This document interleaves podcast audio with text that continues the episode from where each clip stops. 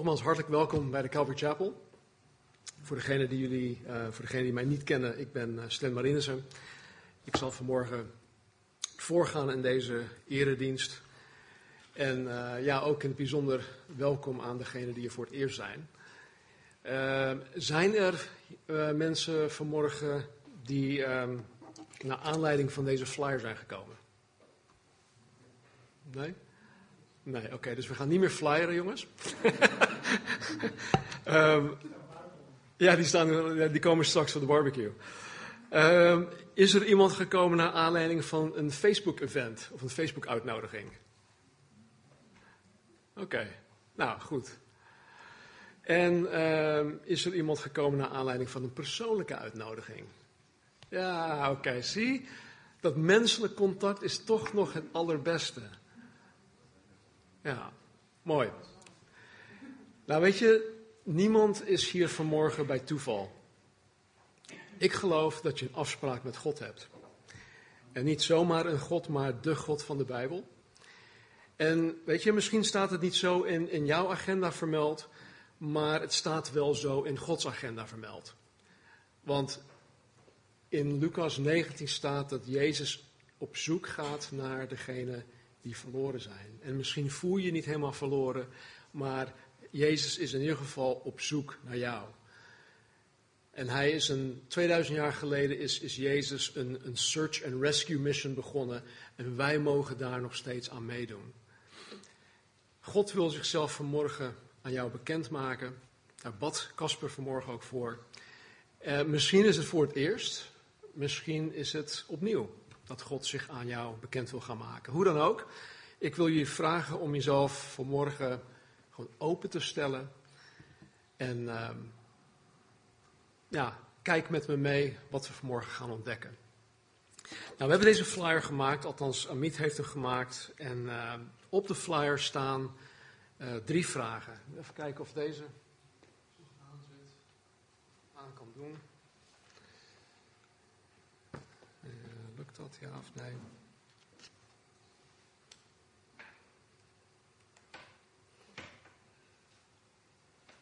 Ja.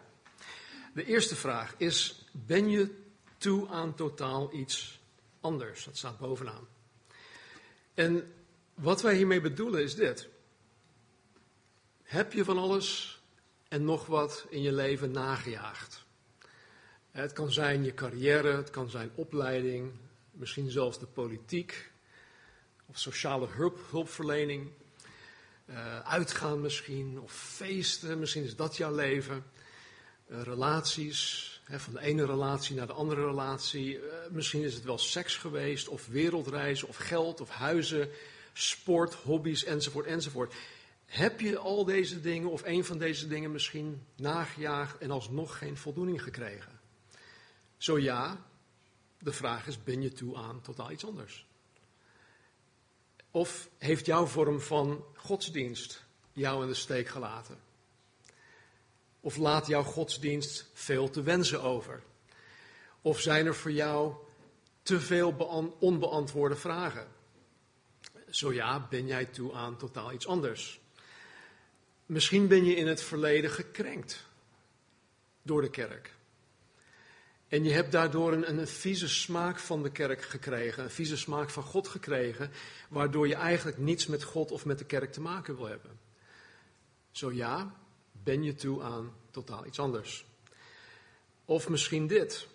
Geeft jouw wereldbeeld of jouw persoonlijke levensbeschouwing voldoende antwoorden op jouw allerbelangrijkste en allergrootste vragen? De grootste levensvragen. Zo nee, ben je toe aan totaal iets anders? Dus de, vraag, de eerste vraag is, ben je toe aan totaal iets anders? En wanneer ik zeg totaal iets anders, dan meen ik ook echt totaal iets anders. De tweede vraag was dit. Ben je het moe zijn zat? Ik heb dat wel eens meegemaakt. In het, in het Engels zeggen we, I am sick and tired of being sick and tired. Je bent het moe zijn gewoon zat.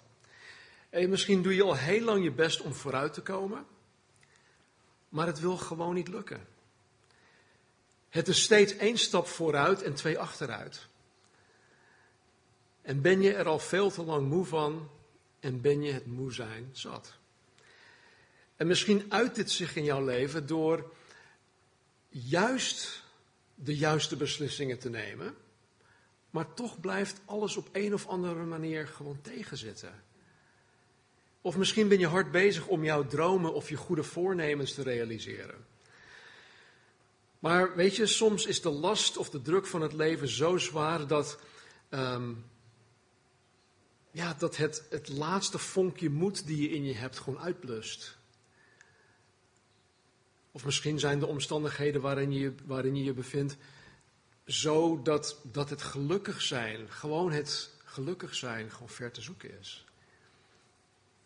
Ben je al veel te lang vermoeid en ben je het moe zijn zat? En de derde vraag is dit. Ben je op zoek naar betekenis in je leven of ben je op zoek naar meer betekenis in je leven? En wat we hiermee bedoelen is dit.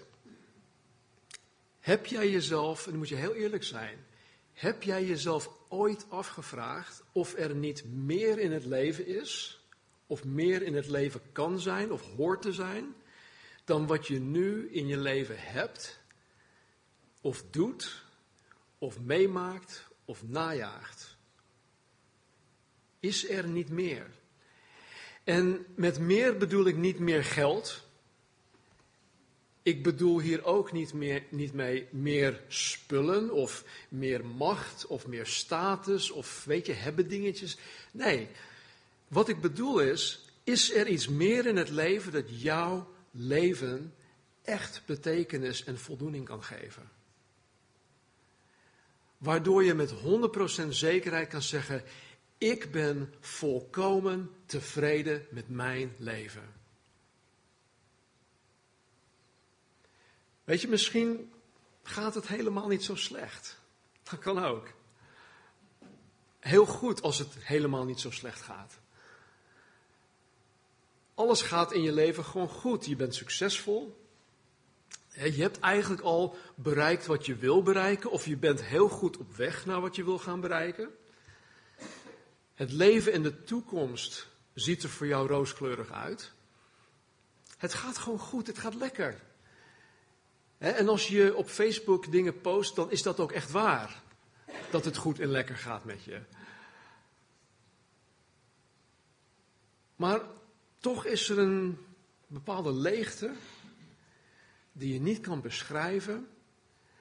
Dat dat knagend gevoel dat je toe bent aan iets anders, iets beters, iets meer. Er was iemand zo'n 2000 jaar geleden, die tegen deze dingen aanliep.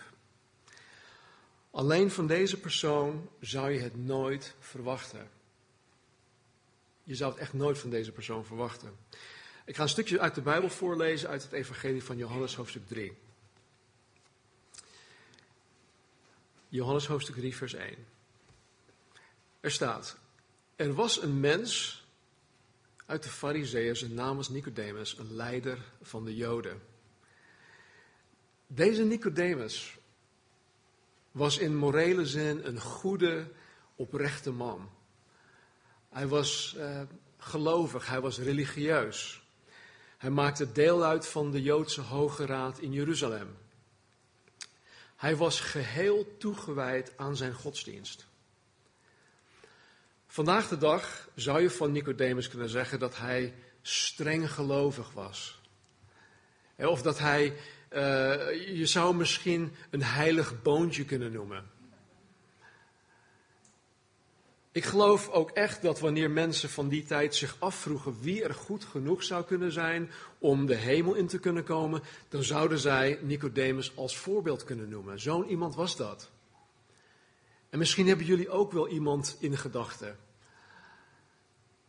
En dan staat er in vers 2, deze Nicodemus kwam s'nachts naar Jezus en zei tegen hem, Rabbi, wat betekent leraar, wij weten dat u van God gekomen bent als leraar, want niemand kan deze tekenen doen die u doet als God niet met hem is. Nou, Nicodemus was heel oplettend, alleen had hij het totaal mis. Want Jezus was geen leraar van God gekomen. Hij was God die als leraar is gekomen. Dat is heel wat anders, maar dat is een heel ander verhaal. Nicodemus had intussen genoeg van Jezus Christus gehoord. Hij had ook genoeg van Jezus Christus gezien. En hij had zoveel meegemaakt dat hij ervan overtuigd begon te raken dat Jezus niet op eigen houtje het evangelie predikte en mensen hielp om, om God te vinden. Dat had hij wel door. Jezus kon het niet gewoon op eigen houtje doen. Jezus begon zijn campagne toen hij zo rond 30 jaar oud was. Hij werd door Johannes de Doper gedoopt. De hemel ging open. De Heilige Geest kwam op Jezus in de vorm van een duif. En vanaf dat moment predikte hij het Evangelie. En het eerste wat hij zei was: Bekeer u, want het koninkrijk van God is nabij. Precies hetzelfde wat Johannes de Doper ook, ook zei.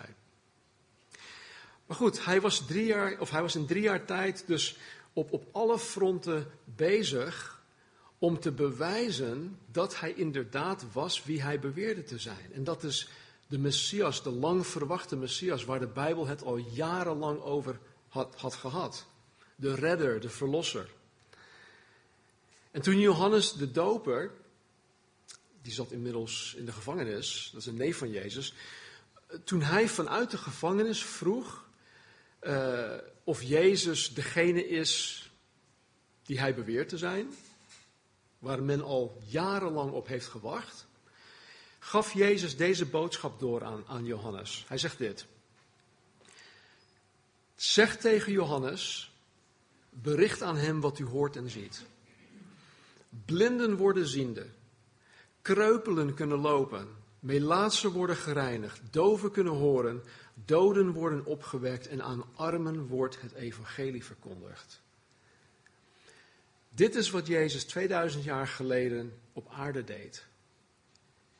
En dit was totaal iets anders. Dit was geheel nieuw. Dit was revolutionair. En dit is wat Nicodemus met eigen ogen gezien en gehoord heeft.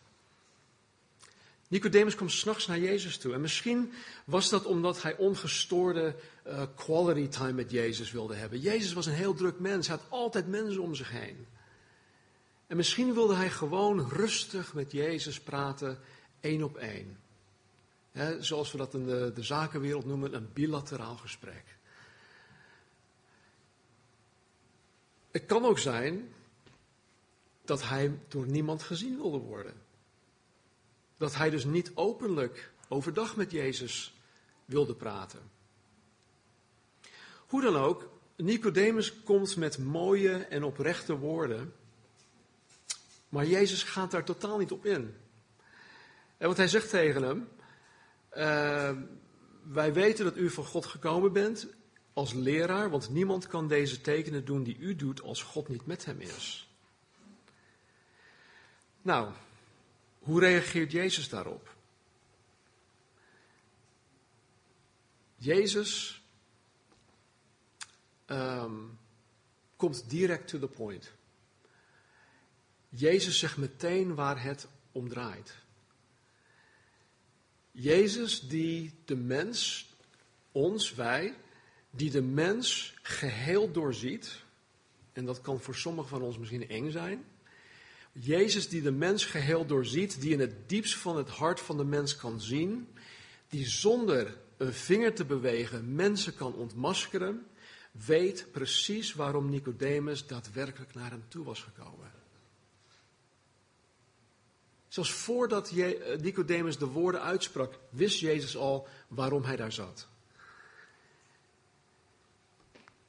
En hij wist dat Nicodemus toe was aan totaal iets anders. Zijn godsdienst, waarin hij zich constant moest houden aan 613 geboden en verboden, was slopend. Stel je voor, dat wij in onze godsdienst ons moeten houden aan 613 geboden en verboden. En dat we allemaal naar elkaar toekijken met een vergrootglas van, joh, hou jij je er wel aan, hou jij je er wel aan? Stel je voor hoe slopend dat, zou, dat, dat, dat was geweest voor Nicodemus. Ik geloof dat hij het moe zijn gewoon ook zat was. En dat hij ernstig op zoek was naar meer betekenis in zijn leven. Hij deed alles wat hij dacht goed te zijn in zijn godsdienst. Maar toch was er iets dat ontbrak, een leegte. Is dit alles wat er is? Met die vraag kwam hij naar Jezus toe.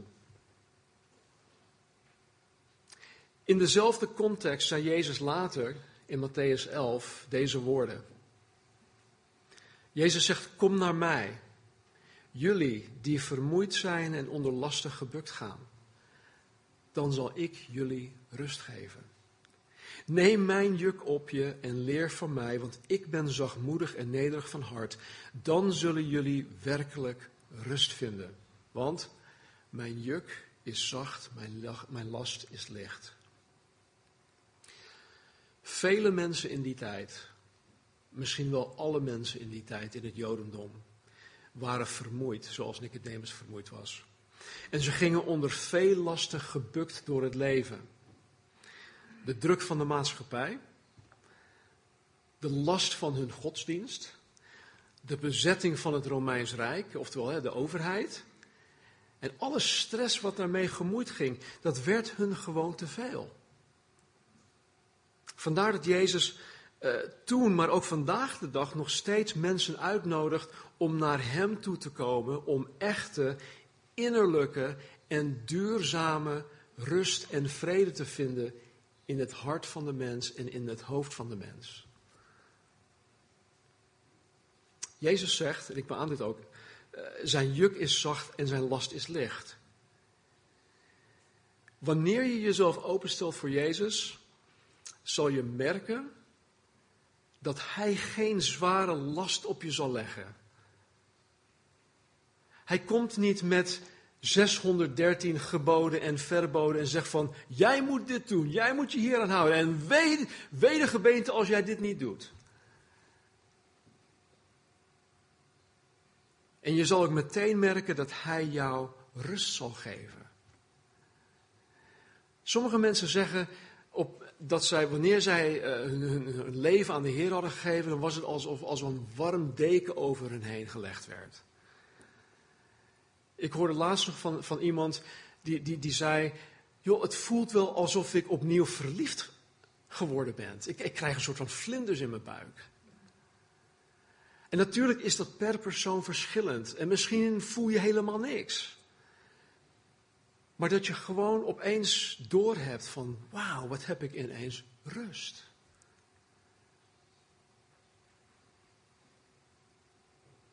Jezus komt met Nicodemus meteen ter zake. En weet je, als dit anno 2017 zou plaatsvinden, dan zou je misschien verwachten dat Jezus Nicodemus zou adviseren om op vakantie te gaan. Nicodemus, ga er even lekker tussenuit. Of weet je wat? Maak een afspraak en ga met een psycholoog praten.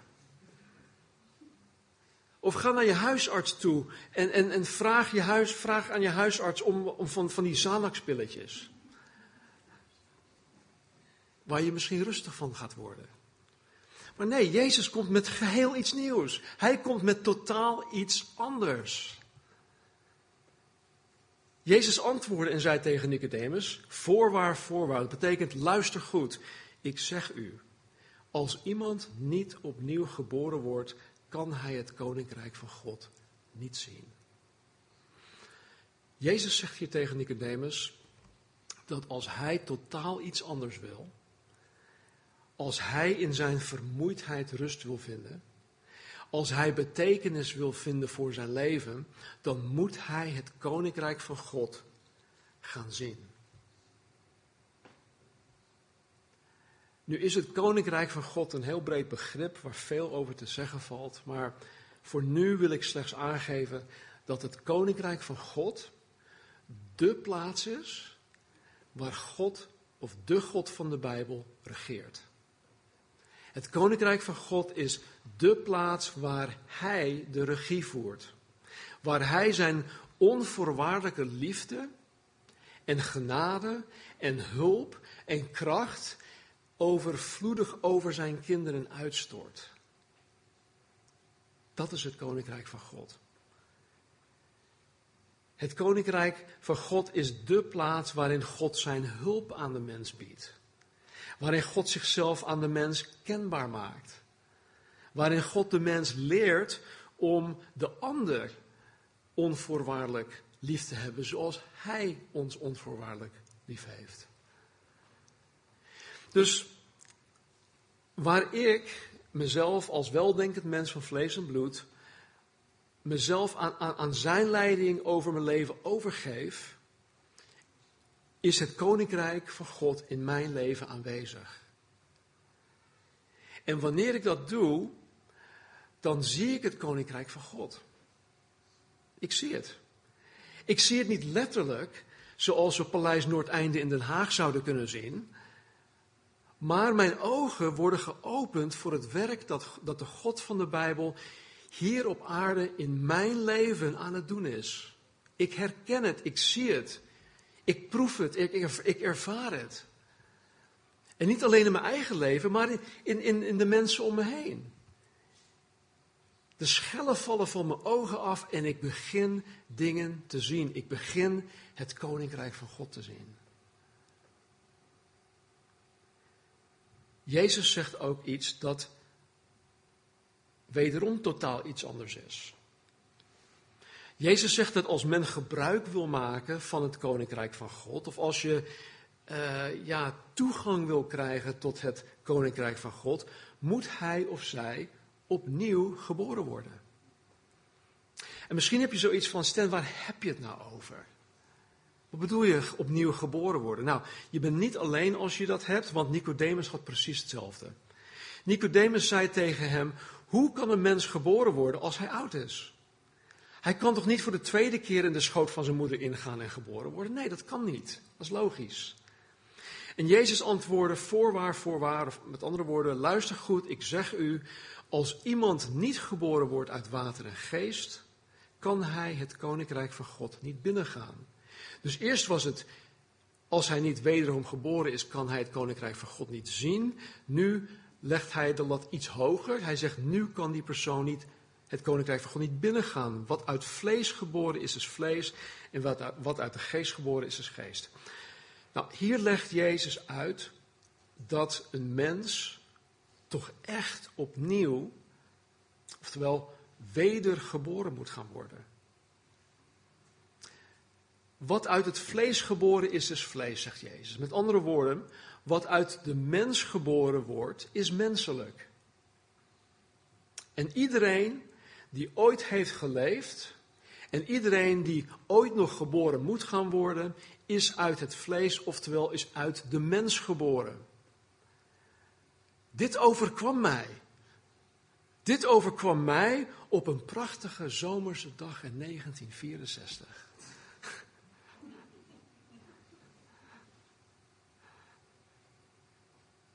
En ik durf met 100% zekerheid te zeggen dat dit jullie ook overkwam. Maar niet iedereen die ooit geleefd heeft of nu nog leeft, is geboren uit de geest. De geest met een hoofdletter, de geest van God, de Heilige Geest. Kijk, ik ben in 1964 uit de mens geboren. En ik ben in 1990 uit de geest van God geboren. Ik ben wedergeboren geworden. Nou, we, we, weten in het verhaal op dit moment helaas niet wat voor gelaatsuitdrukking Nicodemus had. Maar ik kan me voorstellen dat hij verbijsterd naar Jezus zat te luisteren. Vandaar dat Jezus zegt: Verwonder u niet dat ik tegen u gezegd heb. U moet opnieuw geboren worden.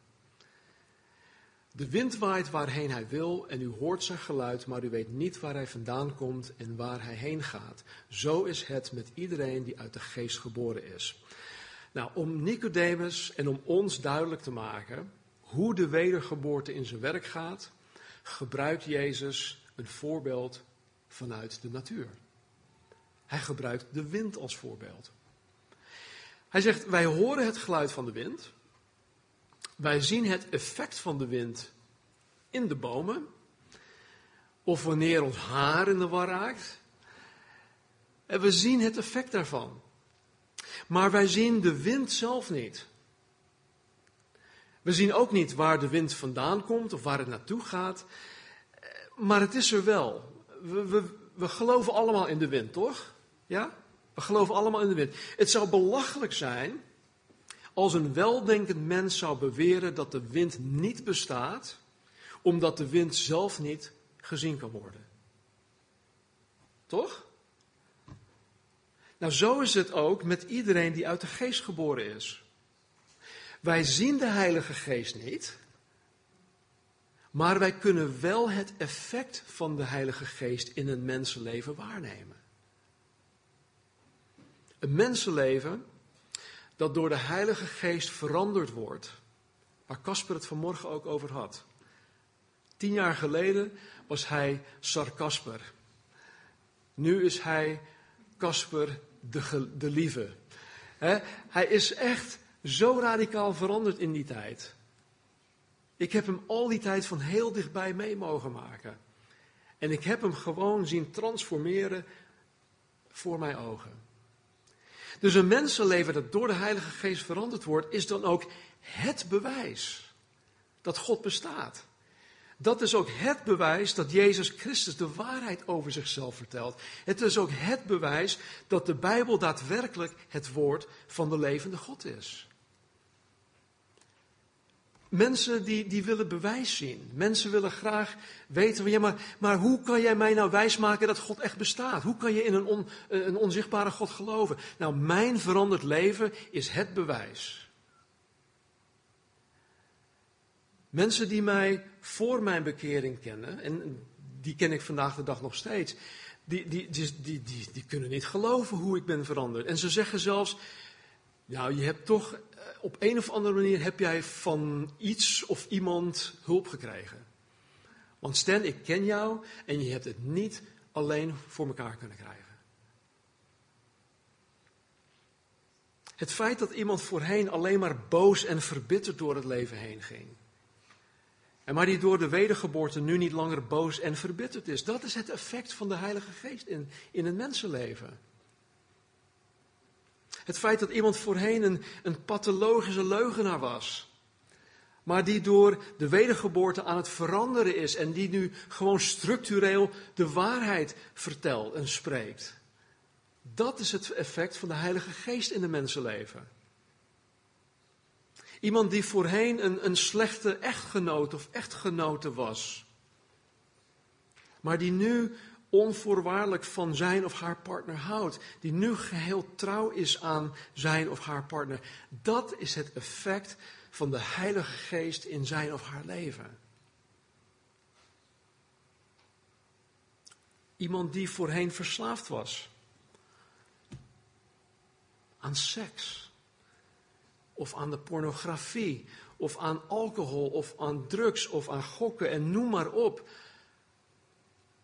Mensen die daarvan bevrijd zijn, die geheel bevrijd zijn, dat is het effect van de Heilige Geest in zijn of haar leven. Mensen die jarenlang eh, door uh, misschien samengewoond hebben, die ineens tot geloof komen en denken van hé, hey, God wil het helemaal niet. Die nu ineens getrouwd zijn. Dat is het effect van de Heilige Geest in een mensenleven. Of iemand die voorheen niets met de God van de Bijbel of met de kerk te maken wilde hebben. Die nu van God houdt. Die nu in de kerk van Jezus Christus dient. Die nu geheel toegewijd is aan het evangelie. Aan het evangelie dat is het effect van de Heilige Geest in zijn of haar leven. Of, aan de positieve kant, iemand die nu geheel tevreden is met zijn of haar leven. Die niet op zoek is naar iets nieuws. Die niet vermoeid is. Die niet op zoek is naar meer betekenis in zijn of haar leven. Ook dat is het effect van de Heilige Geest in de mensenleven. En weet je wat? Dat is waarneembaar. Mensen kunnen aan mij zien dat ik veranderd ben. Waar ik voorheen een rokkenjager was, ben ik nu geheel trouw aan mijn vrouw Marnie. Mensen weten dat. Zij weten het als geen ander. Jezus Christus verandert mensenlevens. Er was ooit een, uh, een gesprek tussen, of het was eigenlijk een uitnodiging van een van de voor, voorstaande atheïsten. Die wilde debatteren met een van de voorstaande, voorstaande, ja, voorstaande zegt het goed? Ja? Voorstaande uh, evangelische bijbelleraren. En hij zei tegen die atheïst: Oké, ik wil ingaan op jouw uitnodiging. Als jij één persoon meeneemt, wiens leven radicaal is veranderd door het atheïsme. En ik zal honderd mensen meenemen. Het debat heeft nooit plaatsgevonden. Even een kanttekening. Alle ellendige gebeurtenissen met betrekking tot seksueel misbruik en dergelijke, bijvoorbeeld in de katholieke kerk, dat heeft niks te maken met waar Jezus het in dit, dit schriftgedeelte over heeft. De misdadigers die zich onder het mom van het christendom schuldig maken aan deze gruweldaden, die zijn absoluut niet wedergeboren. En ze vertegenwoordigen de God van de Bijbel evenmin. Dit zijn naamchristenen. Dit zijn valse christenen waar Jezus zelf in de Bijbel over waarschuwt. Dus laat je niet wijsmaken dat deze seksuele rovers iets met het ware christendom te maken hebben. Want het effect van de wedergeboorte is duidelijk. En het zal voor iedereen duidelijk zijn. Voor je buren, voor je collega's, voor je familieleden, voor iedereen die jou kent. Nicodemus antwoordde en zei tegen hem: Hoe kunnen deze dingen gebeuren? Hij wil, denk ik, echt gewoon oprecht weten hoe de wedergeboorte in zijn werk gaat. En Jezus legt dat in vers 14 uit. Hij zegt, zoals Mozes de slang in de woestijn verhoogd heeft, zo moet de zoon des mensen, dus Jezus, verhoogd worden. Opdat ieder die in hem gelooft niet verloren gaat, maar eeuwig leven heeft. Misschien zegt dit ons helemaal niks. Hè, zoals Mozes de slang moest verhogen. Nou, Jezus, die zelf een Jood was, spreekt hier in in, in dit gesprek tot de grootste Bijbelleraar van de Joden. En Jezus haalt een stuk uh, aan uit de Bijbel waarmee Nicodemus ongetwijfeld bekend was. Namelijk de slang in de woestijn. In het Bijbelboek Numeri, dat is, dat is het vierde boek van Mozes, staat een stuk waarin de Israëlieten op een gegeven moment in de woestijn gebeten werden door gifslangen. Heel veel van hun stierven als gevolg van deze beten. Nou goed, je kan je voorstellen, overal van die gifslangen, mensen worden gebeten, je kinderen worden gebeten, je moeder, je vader, broers, zussen worden gebeten, die gaan eraan dood. Ineens hebben ze door, oh, we hebben gezondigd. Uh, Mozes, bid alsjeblieft tot God. Nou, dat, dat was ook daadwerkelijk gebeurd. Mozes uh, en hun, hun gebed was: vraag aan God alsjeblieft om deze slangen weg te halen. En nadat Mozes tot God gebeden had om die gifslangen weg te nemen, kwam God hun ook te hulp. Maar wel met een zeer bizarre remedie. Het is gewoon heel bizar. God droeg Mozes op om een koperen gifslang te maken, dus een, een slang van koper, en deze aan een paal vast te zetten. Gewoon hoog in de lucht, een gifslang aan een paal. Vervolgens moesten degenen die door de gifslangen gebeten werden, ze hoefden alleen maar naar de koperen gifslang te kijken en zij werden genezen.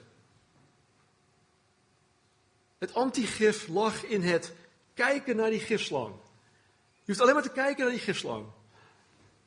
En ze werden genezen en ze bleven, ze bleven leven. Nou, ik kan me voorstellen dat er sommigen bij waren die dit gewoon absurd vonden. Wat bedoel je? Eh, kijk naar de gifslang en blijf leven. Dit slaat helemaal nergens op. Hoe kan je daar nou in geloven?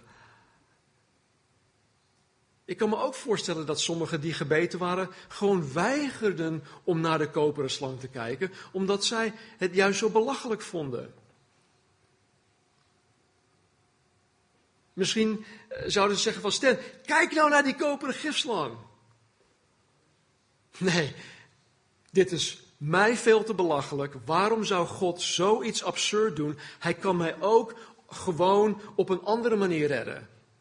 Waarom moet ik nou naar die stomme gifslang kijken? Ik kan me voorstellen dat mensen op die manier ook zijn gestorven. En dit gebeurt vandaag de dag nog steeds. Alleen is het nu geen koperen slang. Maar het is Jezus die voor hun zonde van de mens, of die voor de zonde van de mens gestorven is aan het kruis. En dit bedoelt Jezus met dit voorbeeld. Hij zegt tegen, Nicodemus dat zoals de slang door Mozes verhoogd werd, moet ook Jezus Christus verhoogd worden aan het kruis. Dus de enige manier om het koninkrijk van God te kunnen zien en ingaan, is om wedergeboren te worden. En de enige manier om wedergeboren te worden is om te geloven dat Jezus voor jou aan het kruis gestorven is, voor jouw zonde. Dus nogmaals, zoals Mozes de slang in de woestijn verhoogd heeft, zo moet de zoon des mensen verhoogd worden, opdat ieder die in hem gelooft niet verloren gaat, maar eeuwig leven heeft. Het is heel simpel, hè? het enige dat je hoeft te doen, is je van jouw ongelovige houding jegens God te bekeren. Dat betekent omdraaien, 180 graden omdraaien, tot een een, een, een, houding van geloof in Jezus Christus die voor jou aan het kruis gestorven is. Het is allemaal niet zo moeilijk. God heeft het juist zo eenvoudig gemaakt dat zelfs een kind dit kan snappen en dat zelfs een kind zich hieraan kan overgeven. Je moet je bekeren van je oude leven. Van een zondig leven waarin je totaal geen rekening houdt met God tot een nieuw leven waarin je God de regie laat voeren over jouw leven. En, en dit, dit is het activatiemechanisme waardoor je toegang kan krijgen tot het koninkrijk van God. En alle voordelen daarvan.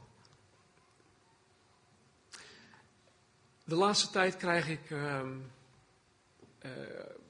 koop ik, uh, ik had laatst nog iets gekocht uh, voor de kerk. Dat was, een, uh, dat was iets van Adobe, dat heet Creative Suite. Daarbij krijg je Photoshop, eh, Illustrator, een aantal dingen. En via een, omdat wij een non-profit organisatie zijn, kunnen wij dat voor, voor minder dan de helft van de prijs aanschaffen. Dus ik had het aangeschaft. ik ben dat hele proces doorlopen online, bla bla bla. En dan krijg je via de mail een activatielink. En dan krijg je een activatiecode. Nou, om gebruik te kunnen maken van al het prachtige dat Adobe Creative Suite allemaal uh, beschikbaar stelt, en dat is heel veel, moest ik via de link dat gaan activeren. Dat was het activatiemechanisme om toegang te krijgen tot Creative Suite. Nou, de wedergeboorte is, is dat activatiemechanisme waardoor je toegang kan krijgen tot het Koninkrijk van God en alle voordelen daarvan. Er is geen andere manier. Je kan niet via de achterdeur binnenkomen. Alleen door het kruis van Jezus Christus. Ja, maar dat is toch absurd? Hoe kan ik nou wedergeboren worden door te geloven dat Jezus Christus 2000 jaar geleden voor mij gekruisigd werd? Dat slaat gewoon nergens op. Hoe kan jij Stan daarin geloven? Ik zeg, Kijk nou alsjeblieft naar Jezus Christus die gekruisigd is en leef. Kijk naar Hem en leef. Want dit, waar ik het nu over heb, dit is totaal iets anders. Dit krijg je nergens in de wereld te horen. Dit is totaal iets anders. Dit is wat je rust zal geven. Dit is wat jouw echte betekenis in, in, in jouw leven zal geven. Zeg nou alsjeblieft niet, nee, dit is belachelijk. Waarom zou God zoiets absurd doen? Ik kan toch ook gewoon in God geloven op mijn manier? Weet je, als God tegen de meest godsdienstige man van die tijd zegt dat hij wedergeboren moet worden om het koninkrijk van God te kunnen zien en ingaan, wie denk ik dan dat ik ben om het op een andere manier of op mijn eigen manier te kunnen bereiken? Hoe arrogant is de mens dan wel niet om zo te denken? Want, hier sluit ik mee af, zo lief heeft God de wereld gehad dat Hij zijn enige geboren zoon gegeven heeft. Opdat ieder die in Hem gelooft niet verloren gaat, maar eeuwig leven heeft. De wedergeboorte en het koninkrijk van God heeft absoluut betrekking op het leven hier op aarde. Maar nog veel belangrijker heeft het betrekking op de eeuwigheid, het hiernamaals. Jezus stelt het verloren gaan tegenover het eeuwig leven. En alhoewel dit bepalend is voor hoe en waar men de eeuwigheid zal doorbrengen, heeft dit ook consequenties voor het leven nu, het leven hier op aarde. En laten we eerlijk zijn. Ik denk dat wij allemaal veel meer bezig zijn met het leven hier op aarde dan wat er eventueel zou gaan gebeuren in het hiernamaals. Zo zitten mensen nou eenmaal in elkaar. Wij hebben gelukkig als, als gemeente de afgelopen anderhalf jaar openbaring met elkaar doorgenomen, waardoor wij in ieder geval veel meer bewust zijn geworden voor, uh, van wat er hierna gaat gebeuren, wat er in de toekomst gaat gebeuren. Maar over het algemeen zijn wij gewoon hier met dit leven op aarde bezig. En daar is niks mis mee. Weet je, dit eeuwig leven, dat heeft consequenties voor mijn leven hier op aarde. Ik zeg het zo vaak, niet alleen tegen mijn vrouw, maar met sommigen van jullie ook. Ik zou toch echt verloren zijn als ik niet wedergeboren was.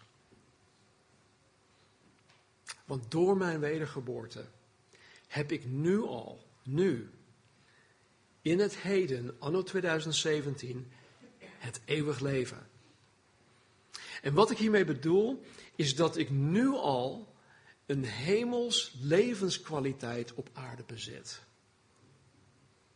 Dit betekent praktisch, en het geloof is ook echt praktisch, het betekent, betekent praktisch dat ik toegang heb tot en gebruik mag maken van alle hemelse middelen. Dit betekent dat ik de God van de Bijbel, de schepper van hemel en aarde, ook persoonlijk mag leren kennen. Ik weet niet hoe het met jullie zit hoor, maar in het, het leven is, is niet makkelijk. Je komt altijd van allerlei dingen tegen uh, waarvan je soms denkt van, oh man, wat moet ik nu? Hoe ga ik hier nou mee om? Enige wat ik nu doe, het eerste wat ik doe is, Heer, help me. Wat, wat moet ik hiermee? Leid mij. Dan open je de Bijbel, dan spreekt God tot me. Of je gaat in gebed en dan is het niet één, één richtingsverkeer van mij naar God toe. Nee, het is een dialoog. God spreekt tot mijn hart en dan weet ik precies wat ik moet doen. Dan weet ik precies hoe ik met die persoon moet omgaan of met die situatie moet omgaan of wat dan ook. Wij mogen uh, putten vanuit hemelse bronnen. En weet je, dit betekent alles. Dit betekent echt alles in het leven. Want zo lief heeft God mij gehad. En je kan je eigen naam daar ook bij invullen.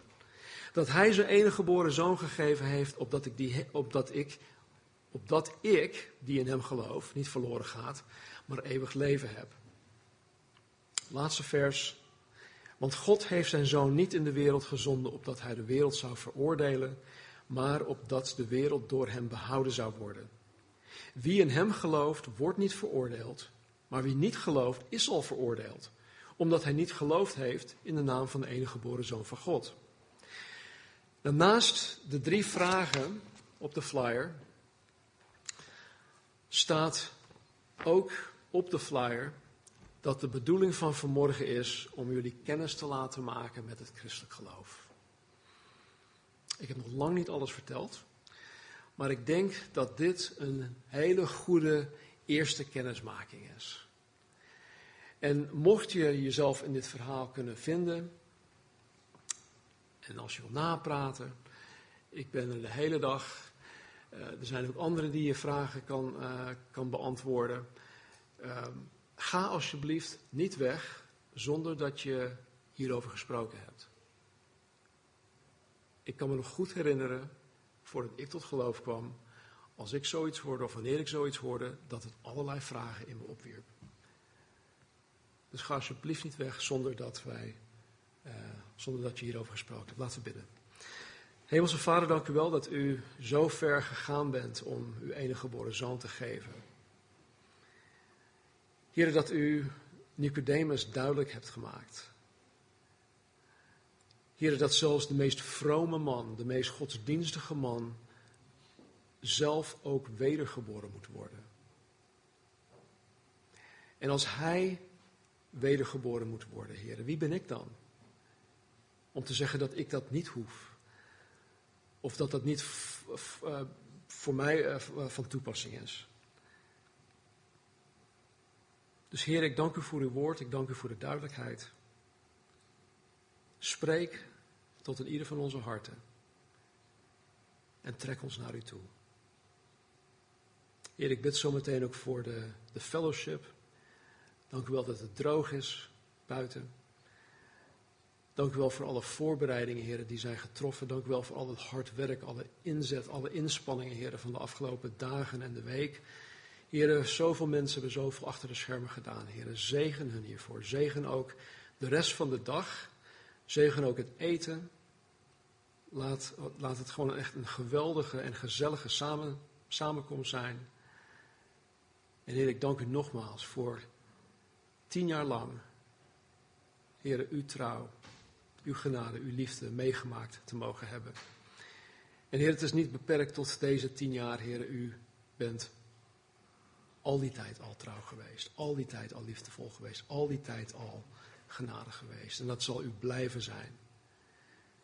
Dus Heer, dank u wel.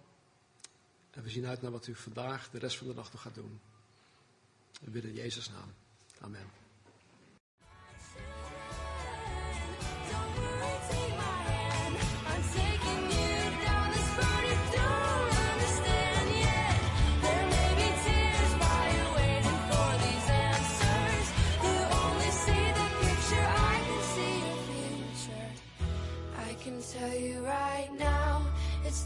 be all.